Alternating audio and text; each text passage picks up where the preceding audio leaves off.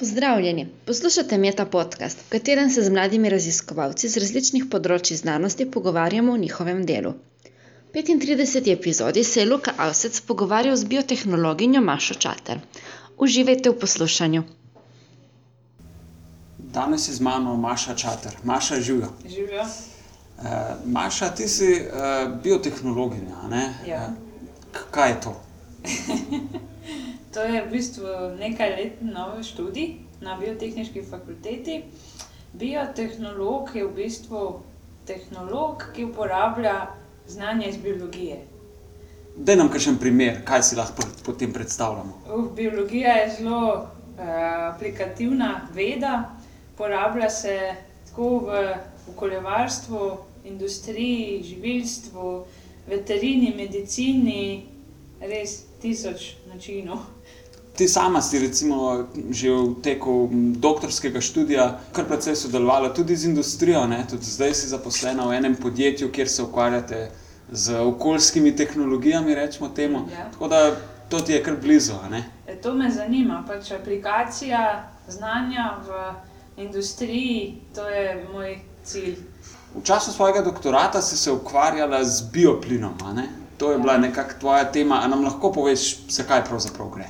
Pravzaprav je bil naš cilj doktorske naloge, da smo preizkusili uporabljati nek tak substrat za namene pridobivanja bioplina, ki ga sicer ne bi mogli uporabiti. Okay, Gremo en korak nazaj. Kaj so sploh pravzaprav bioplinarne? A to imamo v Sloveniji, a to obstaja? Ja, seveda jih imamo, imamo jih kar precej, največ v Prekmorju. Nekako so te zgodbe ne, že okrog 2013 prišle ven, eh, kjer ljudje niso bili nekako zadovoljni z bioplinarnami, ni, niso bili taki donosi, kot so pričakovali. Uh, jaz poznam veliko primerov dobrih praks s tem v, v Nemčiji, kjer so si kmetje postavili majhne bioplinarne na svojih uh, kmetijah. A to pri nam živi ali ni to tako? Uh, večinoma je pri nas nekaj velikih bioplinarn, uh, kmetje sami, da bi, se in, da bi se individualno za to odločali, pa v Sloveniji malo manj zanimanja za to. Ampak zakaj je to uh, primerno, da, da je to v bližini kmetije? V bistvu je zelo praktično in bi bilo bolje, da bi se kmetje več za to odločali. Uh, zakaj bi naprimer, bilo to dobro za kmeta? Ja, lahko bi ogreval ce, celoten gospodarski kompleks s to energijo. Pa tudi eh, dobro gnojilo bi dobil ob koncu bioplinskega procesa. Dobro, kakšen pa je poj substrat? Recimo, da si predstavljamo, da je bioplinarna nekaj, kar si nek kmet namontira v klet. Eh, Karkoli že to je, to so najbrž eh, nekaj gre noter, pa nekaj ven pride. Če ven Ja. pride plin ali pa elektrika ali pa toplota, kaj pa gre noter? Noter pa gre substrat. No in kaj so zdaj te substrati? Zdaj prideva najbrž do tega tvojega vprašanja. Ja, ne? to je ta težava. Uh, večinoma še vedno bioplinarne kot za substrate uporabljajo žita, se pravi koruzo, pšenico in to je hrana. Ja, In to je ta težava, sporna stvar. Vse več raziskav pa zdaj deluje na tem, da bi začeli uporabljati tudi nekatere ostanke iz različnih industrij. In to je pravzaprav to, kar si ti delala. ne? In to je Kjer je bila to. tvoja industrija? Mi smo se združili z pivovarsko industrijo. Aha, in kaj je tam ostanek? in Razen njihov- pločevink, Njihov ostanek so trpine. se pravi ostanki žita, ki Tako, so. ostan, ostanek ječmena, v bistvu ostanek je samo tista uh, lupina ječmena, ki je že prekuhana od sladu. In s tem ostankom v bistvu pivovarne ne zaslužijo dovolj, sicer ga nekaj malega prodajo eh, na razne kmetije, kajti te trupine so lahko nek krmni dodatek za Aha. živali. Vendar to ima zelo izredno nizko ceno. Tvoja ideja pa je bila, da bi s tem lahko hranili te bioplinarne in na ta Tako, način ja. pridobivali bioplin. Ja, in bi, če bi, naprimer, pivovarne imele svoje bioplinarne, bi s tem lahko ogrevale pivovarski proces, lahko bi proizvajale elektriko za celotno tovarno, lahko bi jo tudi prodajale naprej za ogrevanje vasi. Sliši se zelo logično, ne? zakaj pa tega zdaj že ne delajo? Kar nekaj stvari v procesu predstavlja osko grlo. Naprimer, cena substratov, dostopnost, uh, mikrobiološka oviranja. Cena sam, eh, same postavitve, konstrukcije teh bioreaktorjev. No, ampak recimo glede cene. Ne? Evropska unija zelo promovira ne? proizvodno energije iz eh, bioplinaren. Uh, tudi mislim, da Slovenija plačuje neke kazni, ker nimamo zadost nekih teh bioplinarov. Ne vem, če je to res. Skratka, recimo, da je potencijalno zanimanje, je, da denar je na voljo, recimo, da bi oni postavili in tudi substrat imajo na voljo, konec koncev, teh tropin imajo zadost. Zakaj, kje je potem uvira, da ne morejo pridobivati energije iz tega? Uh, iz, dejansko iz trupin še nihče v praksi ne pridobiva bioplina, ker sam postopek še ni do konca optimiziran. Se pravi, ni zadost dober substrat v primerjavi z žitnim zrnom ali pa To je zelo koruza. grozen substrat, če se tako izrazim, proti žitom, ki se že uporabljajo, ker je tako kompleksen, njegova zgradba je tako uh, zapletena, da se nikakor noče razgraditi. In če se ne razgradi, ne pridobimo dovolj bioplina. Se pravi, kako ste se lotili potem inovacije na, v, v tem procesu? Ne? Na kakšen način ste se pa potem lotili razbijati to zapleteno strukturo lignoceluloznega Ja. materiala? Ne? Posvetili smo se najbolj biološkim metodam, ker so najmanj škodljive za okolje um, in porabljajo, oziroma ne uporabljajo agresivnih kemikalij, tako kot kemijske metode, in prav tako ne porabljajo velikih količin energije, tako kot fizikalne metode. Kot ste verjetno ugotovili, veliko fizikalnih in kemijskih metod že obstaja za obdelavo takšnih eh, substratov. Vendar vse te metode visoko dvignejo ceno samemu takemu procesu. Pri nas smo se osredotočili na biološke metode in predvsem na bioaugmentacijo. To pomeni, da nekako pomagaš procesu s tem, da v bioreaktor dodajaš različne mikroorganizme, ki olajšajo razgradnjo tako zapleteno zgrajenega substrata. Dobro. Se pravi, bistven del uh, samega procesa pridobivanja bioplina je torej mikrobna združba. ne?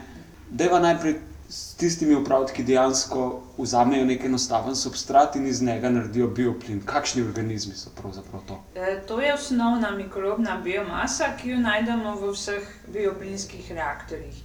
Tukaj gre za striktne anaerobne mikroorganizme. Nekaj takega, kar imamo v črevesju, mogoče? E, Ja, podobno, e, okolje je zelo podobno črvesju, oziroma še bolj podobno vampu pri prežvekovalcih. In v takih bioreaktorjih za pridobivanje bioplina uh, so, naseljeni, eh, so naseljene bakterije in arheje. In ve, eh, nekje do cirka 800 vrst vseh teh mikroorganizmov je v takih bioreaktorjih. In cela ta združba potem pripomore k nastanku bioplina. Seveda, to je ja. metan. Ne? Ja, metan je eh, končni cilj, kajti bio, sam bioplin je sestavljen iz večjih plinov. In najbolj si želimo metan. Ja, metan je tista molekula, ki vsebuje največ energije v svojih vezeh. Z arhejami in bakterijami smo upravili, to gre vse enostavno, če pravi, če dobijo dober substrat. Zdaj pa jim mi na mesto dobrega substrata, kot so žita, damo samo lupke od žita, ne? se pravi to Tropine. eh, tropine, to eh, čvrsto lignocelulozno eh, tvorino. Bioaugmentacija pa pomeni, da dodamo ene nove igralce v to zgodbo, ki bojo zdaj te Pomagali. tropine razgradile v nekaj enostavnejše. Tako, ja. Eh, Sama osnovna mikrobna biomasa navadno ni sposobna razgrajevati teže eh, zgrajenih eh, substratov, kot so tropine, zato rabijo pomoč in um, ponavadi se za tako pomoč pri izbiri mikroorganizmov odločamo ravno pri, med vampnimi bakterijami, ker izražajo pravilne, ustrezne encimske aktivnosti za razgradnjo lignina in celuloze. Se pravi, ko si ti šla iskat nove igralce za, za to tvojo zgodbo, si dejansko pogledala v vam pod krave. E, ja, v redu. Prečesali smo veliko količino podatkovnih baz različnih bakterij iz različnih okolij, ne samo vampnih. Tudi uh, nekje pod zemljo so podobni anaerobni pogoji in tudi tam bi lahko pomembne bakterije živele. Ampak ja, res smo se na koncu odločili in izbrali dve vampni bakteriji. Ena, je, ena velja za pač najboljšega ksilanolita v vampu, to pomeni, da razgrajuje en del eh, zgradbe Eutropin, medtem ko druga bakterija pa velja za en, eno izmed najboljših celulolitov v vampu, to pa pomeni, da celulolit razgrajuje celulozo, se pravi, bi razgrajevala tudi tropine. Kakšna je bila eksperimentalna zasnova potem preverjanja, ali so, to, ali so ti organizmi dejansko učinkoviti za proces eh, pridobivanja bioplina? Za testiranje učinkovitosti dodanih bakterij uh, smo uporabljali v bistvu osnovni biotehnološki test, ki se mu reče uh, test biokemijskega metanskega potencijala. Gre za test, ki je uporaben za testiranje različnih substratov, različnih pogojev samega procesa in kako z bioaugmentacijo naprimer, lahko povečamo proizvodnjo bioplina. Se pravi, gre najbrž za to, da dejansko meriš, koliko metana pride ven v nekih laboratorijskih pogojih, ko imaš tisto kompleksno mikrobno združbo v ja, neki posodi. Eh, najprej, seveda, smo začeli na laboratorijskem nivoju, v literskih steklenicah smo uprizorili enake pogoje, kot bi bile sicer v bioplinskem reaktorju. Naredili smo poskus, ki je trajal približno en mesec, in stalno, seveda, jemali vzorce. In iz teh vzorcev smo z nadaljnjimi analizami dobili celoten pogled v stanje mikrobne združbe in zakaj pride do povečanja bioplina, ali pa če ne pride. Pa so ti mikroorganizmi dejansko pomagali pri razgradnji tropin? So, ker je bil končni produkt, se pravi metan, uh, njegov izplen je bil toliko povečan. Koliko je to? 5%, 1%? Do 30%, Do 30 smo uspeli povečati proizvodnjo z eno od testiranih bakterij. Se pravi, samo z dodatkom ene bakterije je tako velik uspeh. Kakšen vpliv pa ima potem taka bakterija na sestavo mikrobne združbe, ki pa dejansko izvaja bioplinski proces. Tudi to smo spremljali z različnimi molekularnimi tehnikami, ki so dan danes vse bolj uporabljene. In ugotovili smo, da pravzaprav naša bakterija, ki je bila dodana v bioreaktor v zelo majhni količini, 5%, nekoliko spremeni, seveda, to osnovno mikrobno združbo, vendar je še vedno v manjšini. In vsi ti ostali prvotni mikroorganizmi jo kaj kmalo povozijo.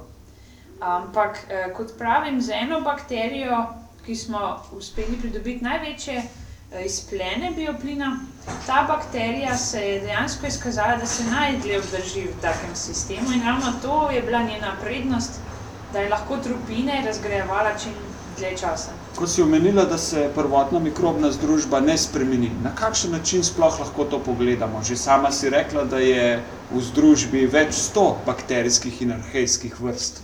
Ja, res je. Zdaj, v bistvu, mikrobna združba se, če pogledamo čisto osnovno uh, spreminjanje, se vse čas spreminja. Eh, če pogledamo vsak mesec v bioreaktor, bomo zmeraj odkrili drugačno razmerje med bakterijami in arhejami. Um, ampak to je nek normalni proces. Ob dodatku nekih tujih organizmov v tako že stabilizirano združbo, pa seveda povzročimo neke spremembe in zamike, vendar uspešna združba se vedno uspe, uspe stabilizirati nazaj. Sprašujem te tudi po metodah, kako dejansko se da pomeriti, katere vrste sestavljajo mikrobno združbo. Nam lahko malo molekularne metode opišiš, ki si jih uporablja. Te metode temeljijo na analizi DNK. Vsaka bakterija, ki je prisotna v bioreaktorju, ima svojo DNK, se pravi svojo zaporedje genov. In ravno zaradi teh raz, razlik v zaporedjih smo sposobni jih identificirati, spremljati razlike v njihovem številu skozi čas, in pa seveda pač v splošnem, kaj se dogaja znotraj bioreaktorja, pa je v bistvu očem nevidno. In teh metod je dan danes že precej razvitih. Mi smo, se, mi smo uporabljali denaturacijsko gradientno gelsko elektroforezo ali DGGE. To je v bistvu dokaj enostavna in ne tako draga metoda za pridobiti neko splošno sliko o stanju mikrobne združbe. Se pravi, gre za nek profil, za nek Za profil, prstni odtis, recimo, temu tako ja. mikrobne združbe. Ne? In če vzamemo tak prstni odtis ob različnih časih, kaj hitro lahko določimo razlike, kaj se je dogajalo. Za določanje količine, prav- pravega števila te bakterije, ko smo jo dodajali v bioreaktor, da nam je pomagala povečati proizvodnjo bioplina, eh, zato pa smo uporabili PCR metodo v realnem času. To je ena izmed metod, ki se dan danes kar eh, najhitreje razvija. Eh, prednost je pa ravno ta, da lahko v različnih časih sproti opazujemo, katera DNA Je prisotna in v je kakšnem številu. prisotna in čigava je ta DNA. Kje torej vidiš eh, uporabnost svojih raziskav? Se ti zdi, da je to nekaj, kar bi dejansko lahko prišlo v prakso v prihodnjih letih? Morda? Eh, Ja, to je bil eden izmed ciljev doktorske naloge. Um, predstaviti to v prakso, vendar ne gre tako hitro. Trenutno še ni v tej fazi, da bi lahko že uporabljali to, um, ta proces.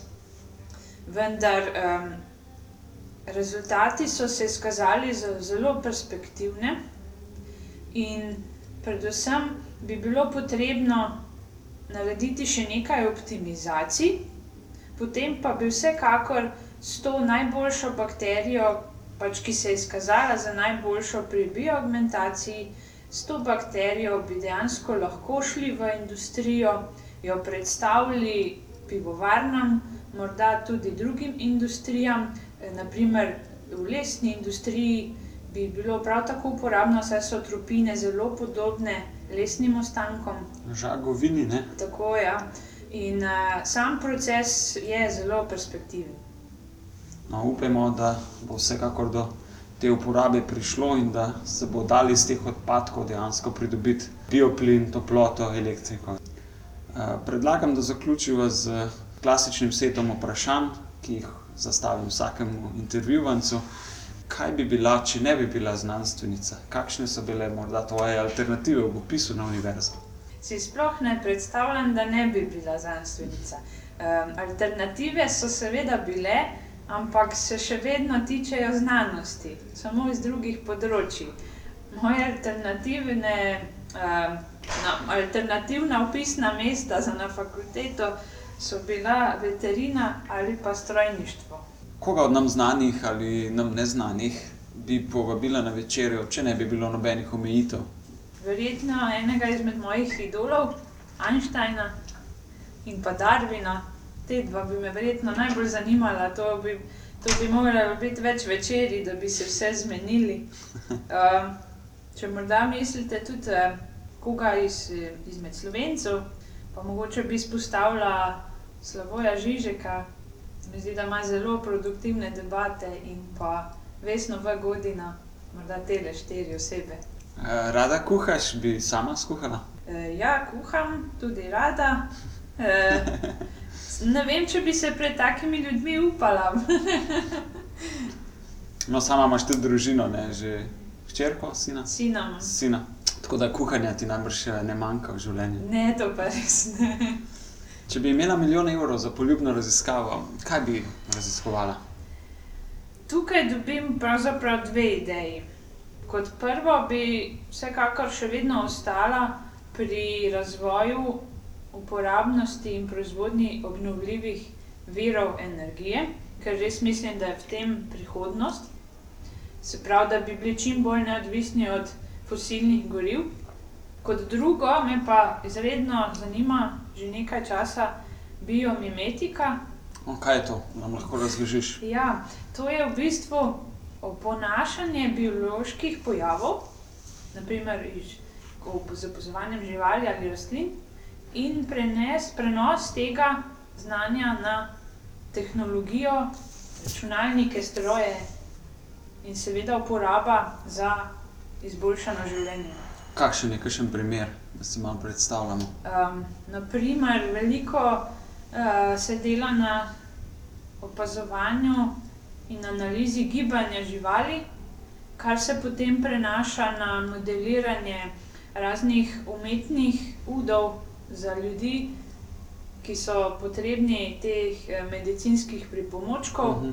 potem eh, razna naravna barvila iz rastlin ali pa tudi živali se prenašajo tekstilno na tekstilno industrijo, eh, tudi v elektrokemijo, v znanje eh, teh sončnih celic.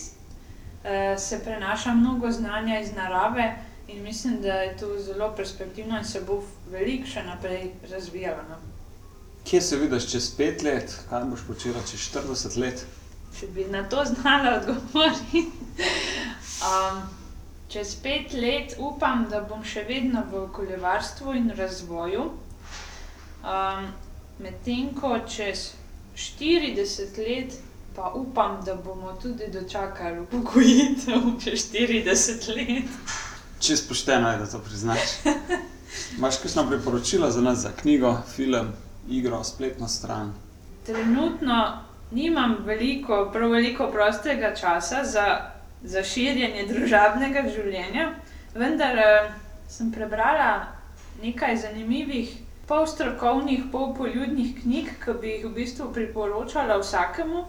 Ena je naprimer od uh, Stephena Hawkinga kratka zgodovina časa, ki se v bistvu v nekaj poglavjih dotakne tudi Einsteinovih idej.